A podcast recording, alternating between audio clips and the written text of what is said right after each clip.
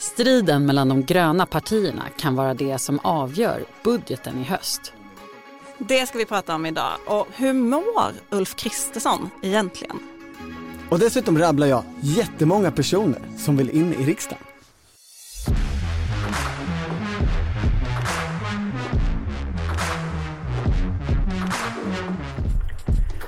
Det här är Politiken med Annie Reuterskiöld, Maggie Strömberg och Torbjörn Nilsson.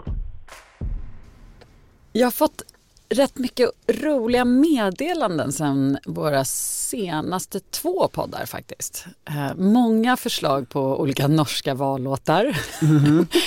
och även, eh, även eh, ja, svenska vallåtar som vi inte tog med. Det är nästan så att vi måste göra ett till avsnitt någon gång. Det kommer, vi behöver göra i framtiden. Det var ju väldigt många som tyckte att det saknades många viktiga sånger. Jag, jag hörde att du målade ut mig som någon slags sosse som älskar Sverige behöver en socialdemokratisk regering igen i förra avsnittet när jag inte var här och kunde försvara mig. Själva låten? Ja men det är ju mer för liksom det här a-a-andet, inte för liksom den enda mening som Den här lilla biten som är någon slags Håkan Hellström. Precis, det är den, jag är en gammal indie-tjej vet du. Eh, men så fick jag också ett, ett eh, härligt eh, meddelande i inkorgen som handlade om godiset. Mm. Som ja. du Maggie pratade om i förrförra avsnittet, eller hur? Mm. Och då var det väl, det var väl Mikael Damberg va, som hade skrivit upp den här listan? Precis, det var hans eh, anteckningar från VU-mötet. Jag träffade faktiskt honom dagen efter på Harpsund. Eh, då han väldigt ingående beskrev vilket godis som fanns på Harpsund just då. Och också, Berätta! Eh, jag, jag minns faktiskt inte riktigt det för jag var fokuserad på annat. Men han har också fel vad gäller Stefan Löfvens favoritgodis. Eller så har Stefan Löfven bytt. Är, man, man, kan ju, man kan ju byta, speciellt sådana smågodis kan ju växla lite vad man gillar. Jag fick nämligen ett eh, meddelande från en mycket initierad källa som hävdar att det är plopp.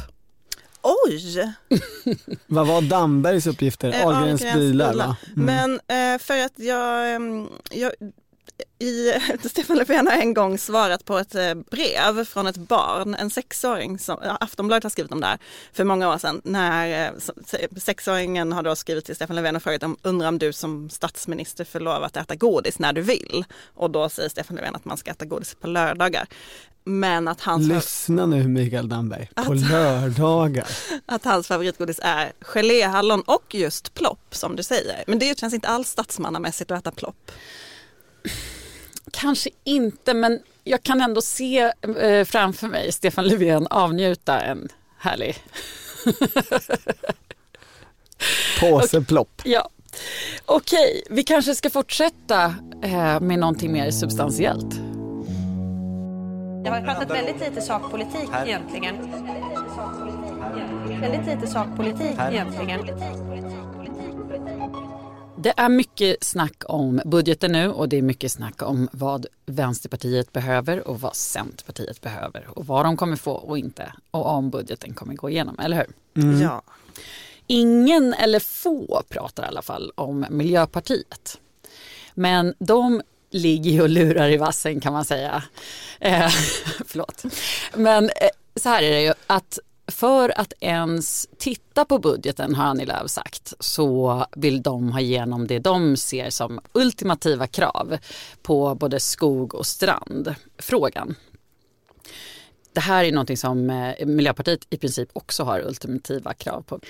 Så frågan är om inte hela budgeten egentligen står och faller med de frågorna snarare än köttben till C och V. Och i förlängningen så skulle man ju då också kunna säga att Magdalena Andersson, om hon blir vald till partiordförande, hennes öde som statsminister antagligen ligger och skvalpar. I den här skogsfrågan och frågan om strandskyddet. Jag ska sluta med de här liknelserna. vad, handlar, eh, vad handlar de här frågorna om egentligen? Eh, eh skogsfrågan är ju en långkörare. Den, den härrör ju från januariavtalet där Centerpartiet vann stora framgångar och fick in skrivningar om att eh, regeringen skulle värna och stärka äganderätten i skogen och säkerställa kompensation. Alltså när staten köper in skog för skydd så ska det betalas bra. Och dessutom så fick de ju in, och det är väl där man befinner sig nu, skrivningar om nya flexiblare skydds och bevarandeformer. Idag så, så sätts det av skog, staten löser in och sen är den inlöst för tid och evighet och som markägare så eh, får du egentligen inte göra någonting med den där skogen. För att bevara biologisk mångfald? Precis. Grejen är ju att hela den här frågan har varit en stor växelverkan. I januariavtalet så vann Centerpartiet. Sen så skulle det tillsättas en utredning och skrivas direktiv. Då vann uppenbarligen Miljöpartiet, för när utredningen sen kom så var det här med äganderätt bara en liten del. Den breddade uppdraget och försökte skissa nästan en helt ny skogspolitik i sin helhet och bland annat med den här diskussionen om fjällnära skog och mer krav på biologisk mångfald.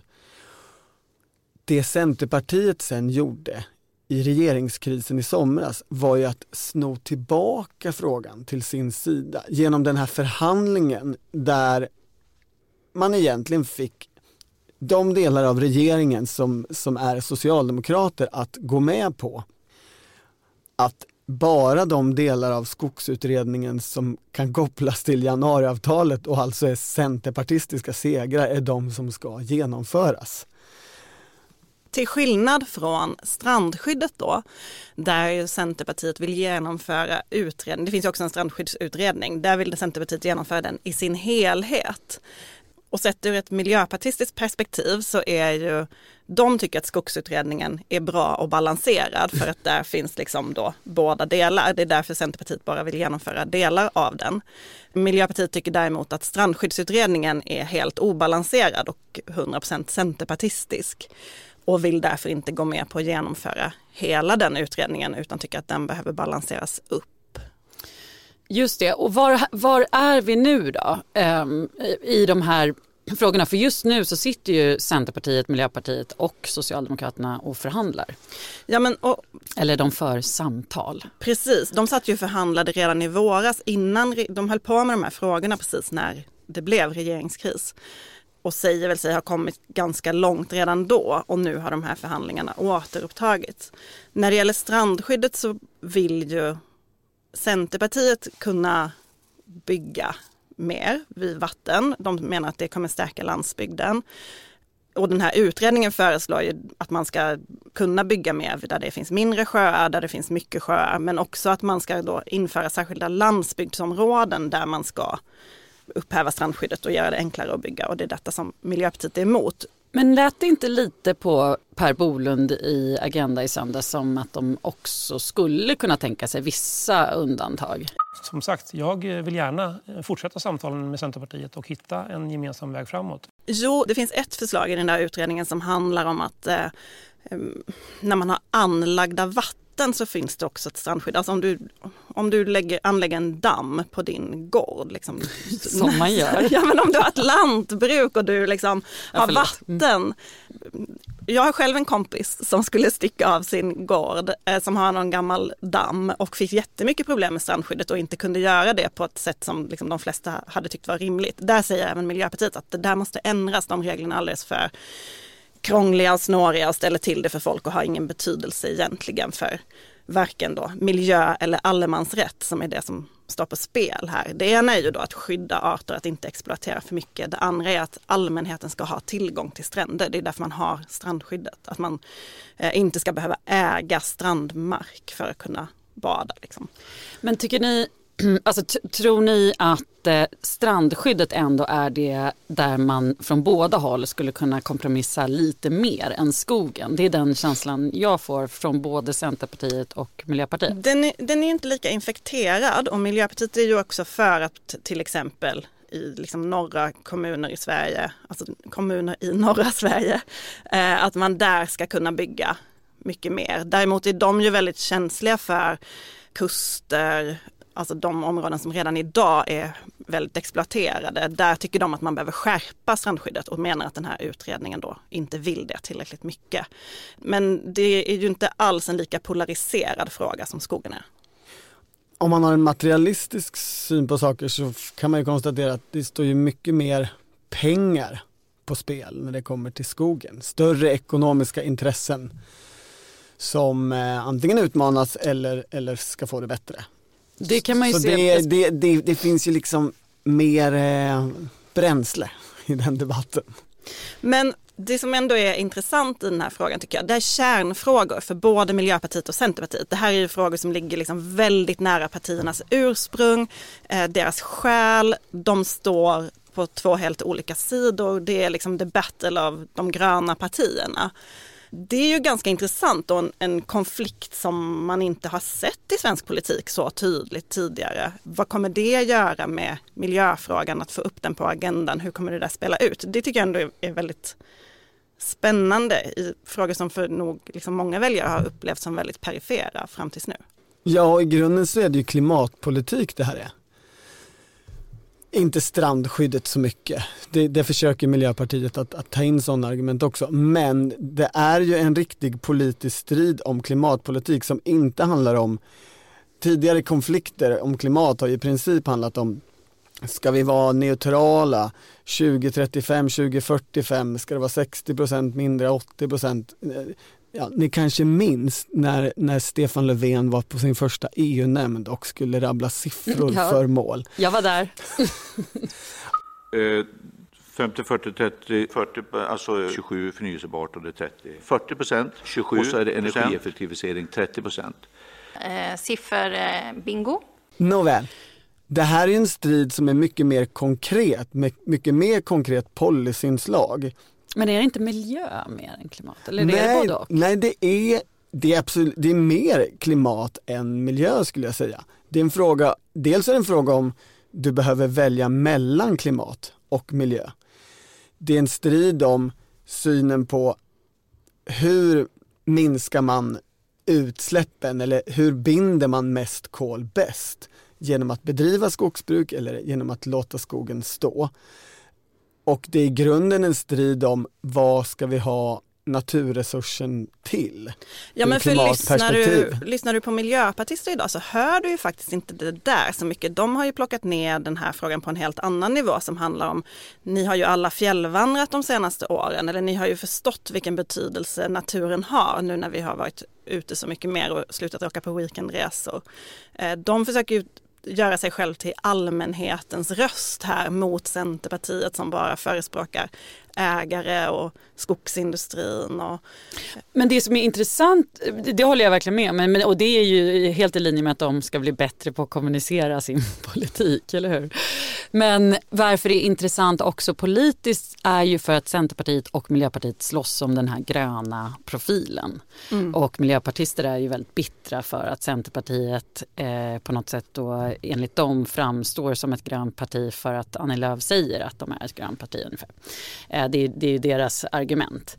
Och varför jag tror att det här kan bli den svåraste nöten att knäcka vad gäller budgetspelet är just som du säger att det är ju existentiellt för Miljöpartiet och de kan inte förlora på de här frågorna.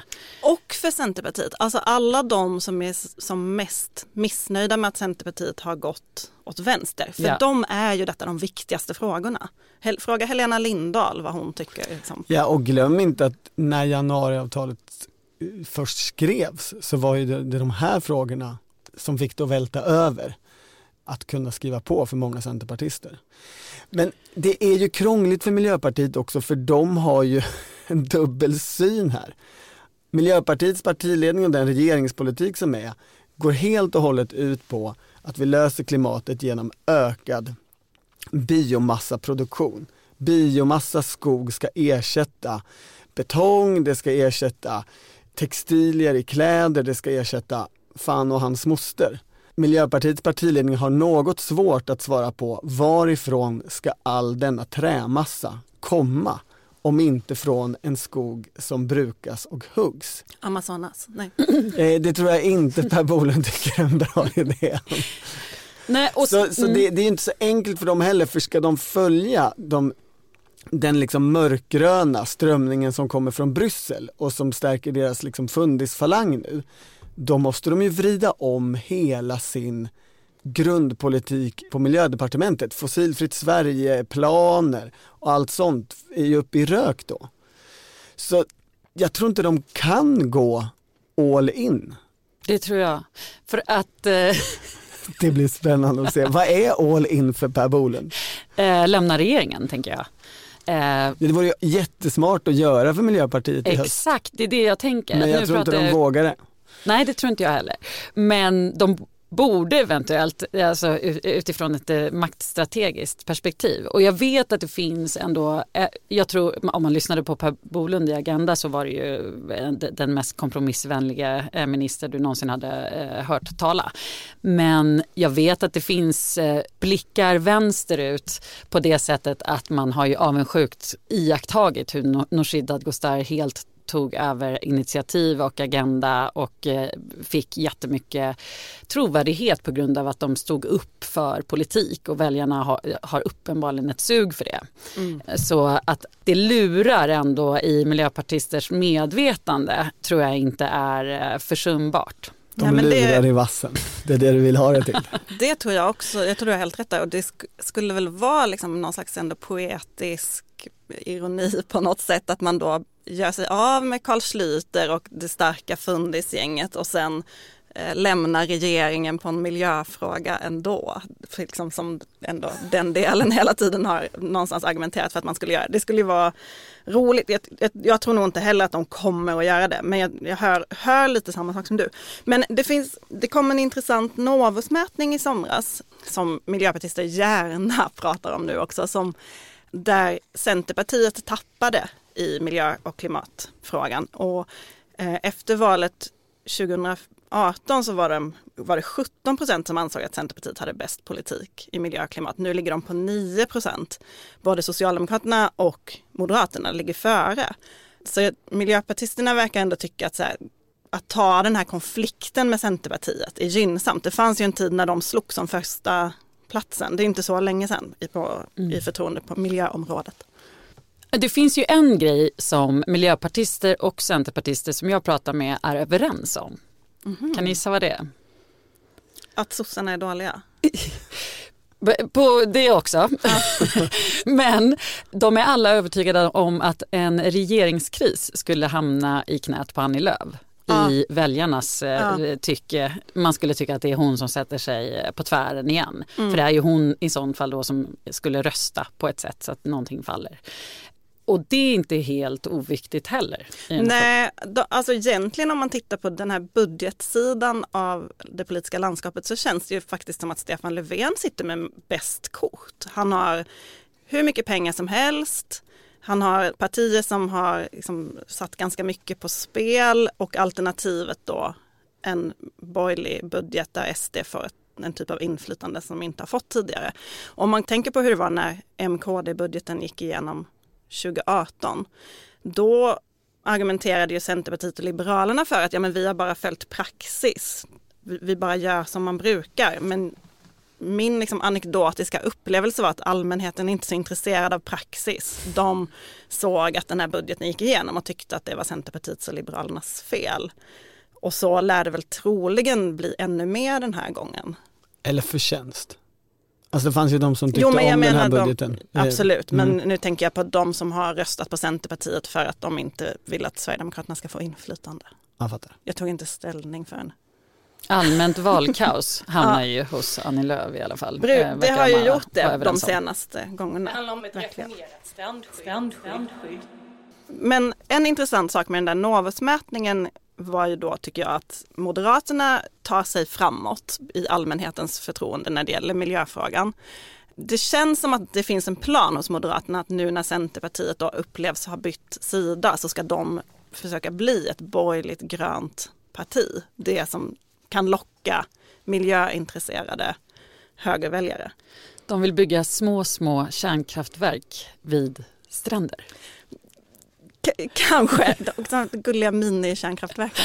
Eh, nej men, eh, jag tänkte på detta faktiskt, eller jag tänk, gått och tänkt på detta ett tag för att jag träffade en, en väldigt eh, meriterad miljöjournalist som var imponerad av Jessica Rosenkrantz som ju har hand om miljöfrågorna hos Moderaterna och tyckte att hon var väldigt kunnig och eh, liksom hade höjt temperaturen i klimat och miljöpolitiken.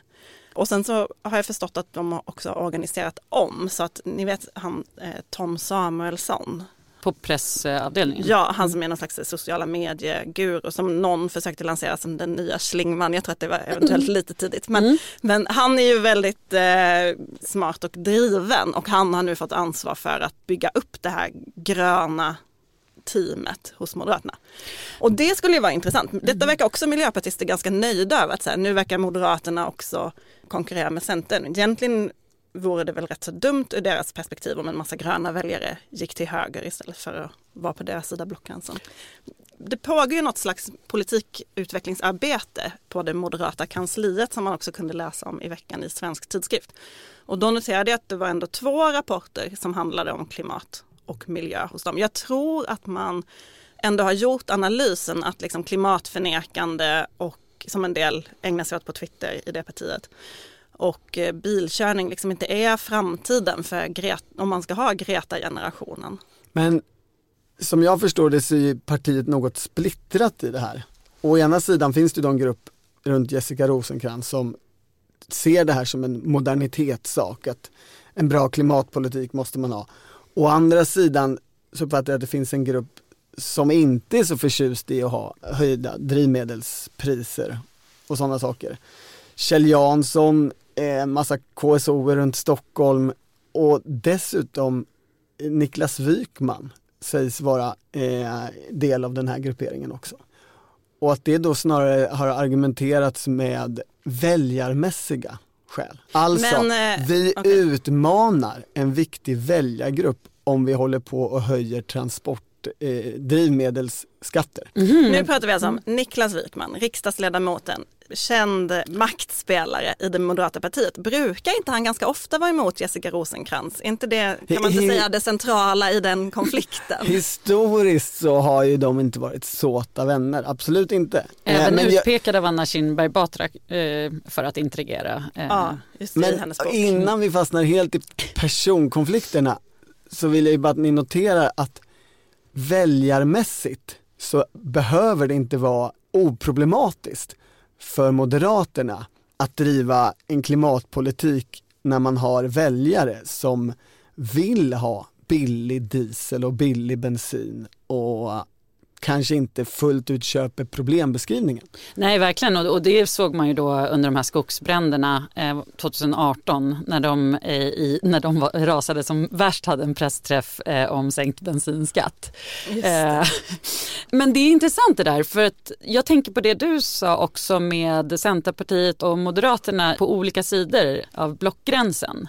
För det finns ju centerpartister som är hoppfulla om att, eller det känns som att de vet att det finns krafter i Moderaterna som strävar efter ett eh, samarbete med Centerpartiet igen. Och det hörde man ju nu i, i en intervju i Expressen med Ulf Kristersson att han försökte ju verkligen släta över de här eh, konfliktnivån som har synts på senaste tiden. Så då skulle man ju heller inte behöva dra de här väljarna över blockgränsen då i en alternativ framtid där man är vänner igen. Nej, nej, nej, nej. Nej, nej, nej, nej. Så går det inte till. Välkommen till verkligheten. Det är väldigt roligt att prata om Moderaterna. Vi gör det så himla sällan i den här podden känner man för att det har varit så mycket eh, sosseriet på Annat, sistone. Ja. Ja. Ehm, Och, och Niklas Wikman är ju kul att vi pratar om också det tycker är jag. alltid kul. Såg ni hans eh, lanseringsfilm eh, inför alltså, riksdagsprovvalet? Ja, en snutt. Jag har missat den. Välter den kioskerna. Sverige, Stockholm, vår plats av öar och broar. Så många människors hårda arbete. Allt bra vi åstadkommer tillsammans. Här blir det norrländska, det skånska, det småländska till Han pratar om det moderna Stockholm och så kommer liksom Hanif Bali in, de är och fikar ihop och sen så kommer Josefin Malmqvist. Hela gänget. Ja, den är, och sen så kunde man läsa, det var väldigt intressant att se kommentarerna då. Expressen har skrivit om detta också, det var så jag hittade den. Vilka som liksom skrek Heja Niklas, vilken jättebra film och vilka som inte gjorde det. det följde exakt mönstret. Um, Niklas Wikman är ju riksdagsledamot och sitter i skatteutskottet. Men det är inte riktigt därför vi tycker att det är roligt att prata om honom ändå. Han är ju en väldigt aktiv moderat kan man säga. Alltså han har ju en, en, en stark syn på vad Moderaterna och Moderaternas politik skulle vara. Men som sagt, Anna Kinberg Batra har i sin bok pekat ut honom som en av nyckelspelarna i att få bort henne till exempel. Och han förekommer ju allt som oftast i dina texter Torbjörn om mufftiden och intriger som eh, lever sig kvar. Jag har nu också hört att han är högst aktiv igen i Moderaterna. Vad, vad, vad händer? Ja, tydligen så ska han eh, på ett ganska öppet sätt gå, gå runt och prata om att han har ett alternativ om det skulle gå dåligt för Ulf Kristersson i det här valet mm. eh, och en egen kandidat då till vem som skulle kunna ta över helt enkelt. Eh, det är Josefin Malmqvist? Ja, eller hur? Det är vad jag har hört. Och det här är ju För det liksom... har ju varit deras kandidat under lång tid. Så det, hon, hon förbereder sig under lång tid känns det som. Hon är ordförande i kvinnoförbundet Precis. och riksdagsledamot. Och, och, och gammalt ju... kommunalråd. Den här podden är ju ett forum för löst skvaller. Eh. ny, ny produktlansering. Ja. Men av en anledning och, det, och, och, varför jag tycker att det är intressant att ta upp är ju inte för att det här kommer hända eller för att det ens, eh, ja det, liksom, det, det skulle lika gärna kunna vara som sagt bara löst prat. Men jag är lite intresserad av hur Moderaterna mår just nu och hur Ulf Kristersson mår. För att han sitter i en ganska svår sits. Och om jag har hört de här ryktena så har ju han hört det också. Och att det bara spekuleras i om det går dåligt i valet och vem som ska eh, liksom, ta över. Det är ju inte ett, ett, ett eh, krafttest ändå. Det, det, var ju strid om, om eh, Skånedistriktet och vem som skulle ta över där och valberedningen också var i samband med det. Eller om det... I, I våras så var det en strid om vilka som skulle sitta i valberedningen och det är ju intressant i sig att det blir en strid om valberedning. Förlåt, avbröt jag dig? Ja, jag letade efter ett ja, Aha, men, okay. men jag förstår att du liksom tog över här. Fortsätt Nej, men då. där Wikman Ekmans gäng eh, vann ordförandeposten i Skåne som är viktig. Å andra sidan mm. så har en av de viktiga personerna i hans gäng, Torbjörn Tegnhammar, kommunalråd i Malmö, ju avgått efter anklagelser om men, Någon typ av metoo-anklagelser. Ja, precis. Men I ett läge där allt går jättebra är ju inte den typen av eh, rykten så farliga kanske. Men om vi ser på hur det går nu så går det inte jättedåligt men det går ju heller inte jättebra. Alltså i relation till eh, i vilken position man sitter. Mellan val brukar det gå bra för oppositionen. De, debatten handlar om gängvåldet och eh, brott och straff, kriminalitet. Och en väldigt liksom, stökig regering med oklara möjligheter att regera framöver. Exakt. Verkar inte heller gynna Moderaterna särskilt mycket Nej. i opinion. IS-kvinnor drar man verkligen i nu och vill göra någonting av men eh, på ett lite eh, desperat sätt nästan skulle jag faktiskt eh, våga mig till att säga. Men det är intressant, jag träffade Ulf Kristersson förra veckan i vår partiledarintervjuserie och han pratade ungefär likadant som moderater pratade i bakgrundssamtal med mig före sommaren, alltså i samband med regeringskrisen. Och de verkar så nöjda med sin position. De har liksom gjort en politisk analys som är så här, Socialdemokraterna vill ingenting. De vill bara ha makten och det har nu blivit tydligt för människor. Centerpartiet är beredd att offra viktiga centerfrågor bara för att Sverigedemokraterna inte ska få inflytande och vi är det mogna partiet som kan samarbeta med alla. Det är så de försöker måla upp landskapet. Och de verkar trivas väldigt väl i det, de verkar nöjda med det. När Ulf Kristersson får fråga om Sverigedemokraterna så svarar han inte på dem. Jag frågade honom hur han ser på folks oro över att de ska få inflytande. Han vill inte prata om den. Men jag undrar om den där positionen som de själva verkar väldigt nöjda med faktiskt också är något som tilltalar väljarna. Alltså för moderater är det ju liksom väldigt provocerande att socialdemokrater så gärna vill ha makten och att moderater misslyckas med att få det. Men är det någonting som liksom, går det verkligen hem i stugorna? Stefan Löfven är maktfullkomlig. Mm, det är inte Göran Persson alltså. än. Uh. Nej, verkligen inte. Uh. Är det inte mer, liksom, bilden av Löfven är väl mer så här, han är villig att ta vad som helst för att liksom lotsa landet i en svår tid. Det, det är väl mer, mer den än det maktfullkomliga partiet tror jag, utanför Moderaternas kansli. Mm. En spännande sak i hela situationen nu är när man pratar med moderater så säger många som inte då är del av partiledningen Ja men det är för dåligt, vi måste vara bättre, vi kan inte kommunicera ut vår grej. Har vi verkligen någon riktig ny politik? Vad är berättelsen och sådär. Och sen säger de, men det går ju ändå rätt bra för motståndarna är ju så otroligt kassa. Så pratar man lite med socialdemokrater och också människor som inte är partiledare och säger de vårt parti håller ju på att tappat det helt. Vill vi någonting? Vad vill vi? Finns det någon tåga någonstans i någon människa i verkställande utskottet? Men det går ju ändå helt okej okay på något sätt för motståndarna är ju så fruktansvärt dåliga just nu. Hela situationen har ju karaktär av att alla konstaterat att man överlever för att de andra är för kassa.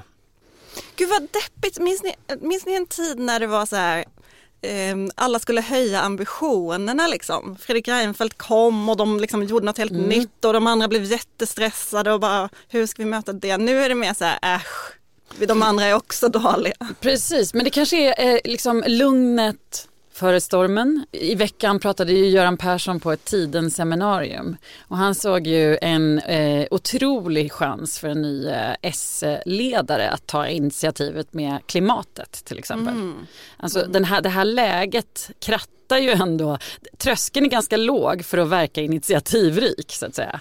Men nu har vi helt kommit bort från eh, Moderaterna. Får jag säga en grej om din intervju som jag tyckte var intressant? Gärna, om det inte är kritik. Nej. Nej men det var ju det här demokratibegreppet eller alltså det, det gav ju upphov till en mindre samhällsdebatt i alla fall om man rör sig på Twitter och även faktiskt utanför eftersom Kristersson eh, uttryckte att både decemberöverenskommelsen och januariavtalet eh, var att mixtra med demokratin. Det där fick han ju ganska mycket mothugg mm. från direkt och att det var en farlig retorik och sådär. Min take är att eh, han inte, det går inte jättebra just nu. Eh, det, det är liksom på något sätt måste han ha ett eh, breakthrough. Han verkade ju inte själv så stressad över den kritiken. Han upprepade ju samma sak i Expressen i veckan. Om man försöker tänka bort partier och, och, och, som är valda i Sveriges riksdag. Då tror jag att man upplevs mixtra med demokratin. Ja, men det är intressant för jag undrar också om det är deras linje nu. Att skita lite i de här fina tyckarna och sådär. Då menar jag inte oss utan mer statsvetare och så. Och gå på väljarna, alltså ett stenhårt. För så tycker jag att man hör retoriken låta eh, angående IS-kvinnorna. Man säger att eh, Mikael Damberg skickar en eh, eh, välkomstkommitté och sådär. När ändå beslutet att ta emot de här IS-kvinnorna vilar ju på liksom, ömsesidighet. Att när vi utvisar någon så hoppas vi att det landet tar emot de personerna. Och det, det vet ju Johan Forssell också rimligtvis. Men kanske bara har bestämt sig för att välkomstkommitté låter bättre hos de väljarna de vill locka. Men så kan det säkert vara och det där med, med att Samlingspartiet, är det de kallar sig, vi som ska kunna samtala med alla, det är ju en så central del i deras strategi inför nästa val. Moderaterna, vi samtalar med alla utom IS-kvinnor. En rätt intensiv vecka. En rätt intensiv vecka. En rätt intensiv vecka. Veckan. Veckan. Ni pratar om så stora och allvarliga saker. Jag, jag trodde att det här Wykmanspåret som du Annie drog igång ja. skulle leda oss in i, i, i, ja, i mer personrelaterade saker. Gärna. Det är ju provvalstider. Det är ju nomineringstider. De har ju provval ibland, det har de inte i alla partier och det har de inte överallt i Moderaterna heller. Och jag tänker inte försöka förklara de olika reglerna för hur listorna sätts i de olika partierna och i de olika länsförbunden i Moderaterna. Däremot har jag bitar av hela listan. Alltså vilka människor försvinner? Vilka människor vill in i riksdagen? Och det är rätt intressant med Moderaterna. Stockholmslistan alltså stad. Stockholms stad. Ja. Där verkar de flesta vilja vara kvar, men framförallt så finns det ju några halvsemikändisar som vill in. Rebecca Weidmo Uvell, känd från internet. Japp. Fredrik Kärrholm, polis, känd från internet.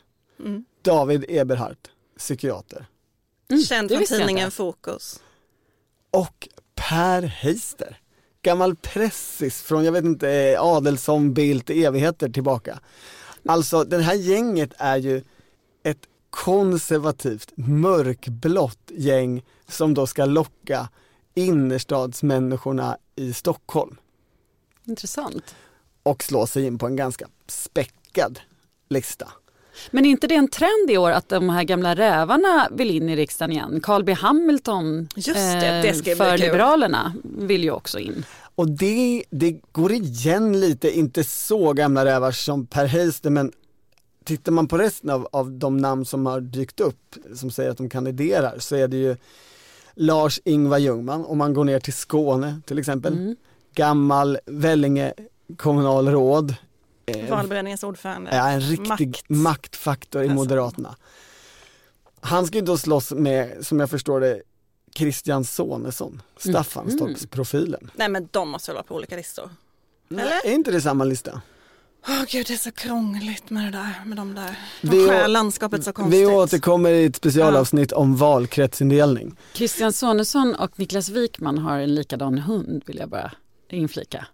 En sån där vit, vit liten. Den där hunden Laban som väldigt Ja. många politiker har. För att Niklas Wikman delar denna hund med Isak Skogstad som jobbar på Liberalerna och Romina Pourmokhtari. LUF-ordföranden. Ja. Jag har också sett den på bild hos andra människor. Jag tror, det verkar vara en så här borgerlig, alltså någon sån terapi, borgerlig terapihund. Tillbaka till... När, när den här hunden har en, en sverigedemokratisk delägare så är den nya alliansen eh, färdigbildad. Ja, I vilket fall, Lars-Ingvar Ljungman ska definitivt slåss med Louise Meijer. Mm. Del av, del av eh, Wykman-falangen och den stora förkämpen för en annan typ av strandskydd, alltså klimatåtgärder för att inte Skåne ska åka ner i eh, Östersjön. I Östergötland, eh, så, som jag förstår det, så kandiderar Finn Bengtsson. Aha. Kommer ni ihåg Finn In- Bengtsson? Absolut. Han var ju, om vi pratade om Carl Schlüter tidigare, så var ju han liksom Moderaternas renegade. Alltså gick alltid emot partilinjen. Och, eh, faktiskt rolig att prata med som eh, journalist måste jag säga, för att han var frispråkig. Ja, mycket. Och i, Du hade rätt. i Skåne, Stockholms- förlåt, ja. kan jag bara få säga, Ja, upplysa här om att du hade rätt. Sonesson, alltså Staffanstorp och eh, Vellinge är båda på Skåne läns södra. Just det. I Stockholms län då så är det ju ett antal KSOer för detta som vill in. Adam Reuterskiöld. Ja, och det är ju inte gifta? mitt eh, ex. Eh, Det är inte ditt ex? Men han, namne heter Okej. ju samma sak då. Aha, spännande. Mm. Leif Och på Ekerö. Gripestam söker sig till riksdagen också. Också en gammal pressis. Ja, också en, en intrigör. Fredrik Savestål.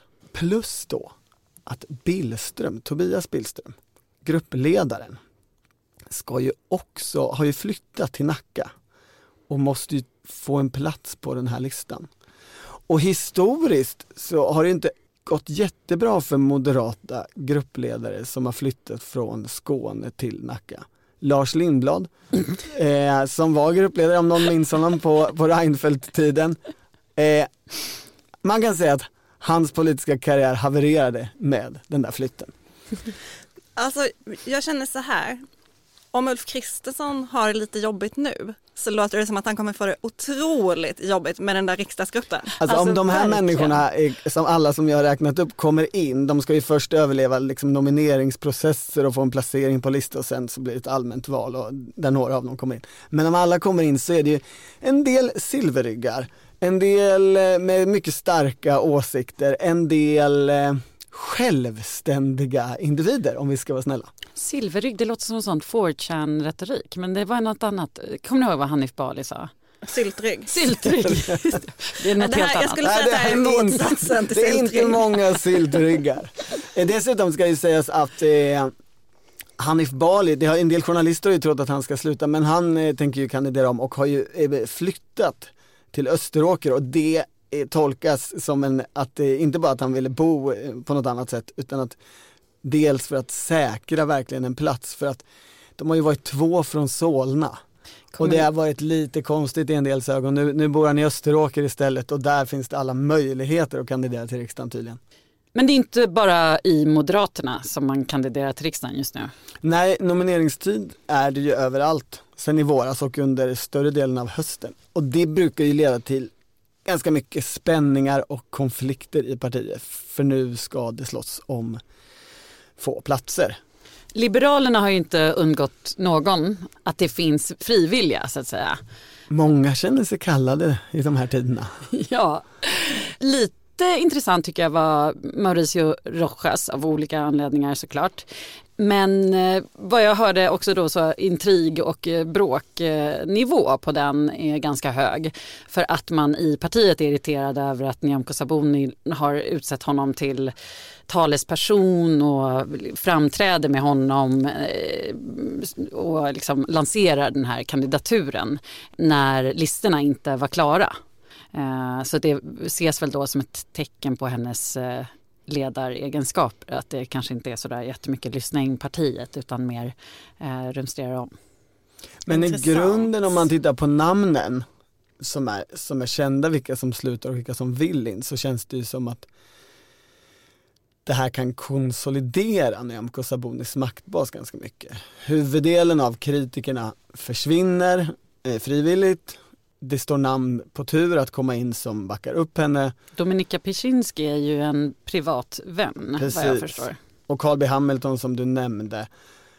Och egentligen så är det ju bara att Anna Starbrink från Stockholm som, som har varit en motståndare och en offentlig motståndare också söker sig till riksdagen det kan bli ensamt för henne där om hon kommer in tänker jag. Det kommer, Joa Forsell är väl kvar, alltså så kandidera fortfarande. Det finns ju några på den ja, som är kvar mm. fortfarande som är rätt så outspoken också. Jag hörde, jag hamnade i taxi med en person som eh, hade tittat på eh, Socialdemokraterna i Stockholms interna mätningar och sa att Liberalerna i de mätningarna låg under spärren för kommunfullmäktige, att det går så dåligt i Stockholm mm. där man ändå har varit ganska stark. Stämmer det?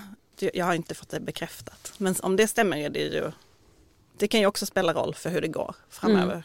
Sen hörde jag ju också att det är många som faktiskt inte har kandiderat just för att de eh, inte känner att de vill vara med på just den här resan men eh, vilar på hanen så att säga.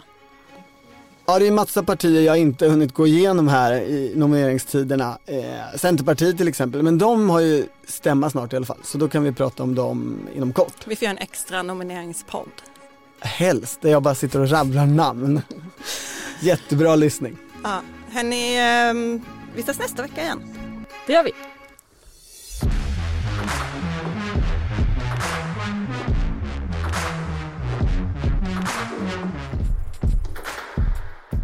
Du har lyssnat på Politiken, en podd från Svenska Dagbladet. Ansvarig utgivare är jag, Anna Kareborg.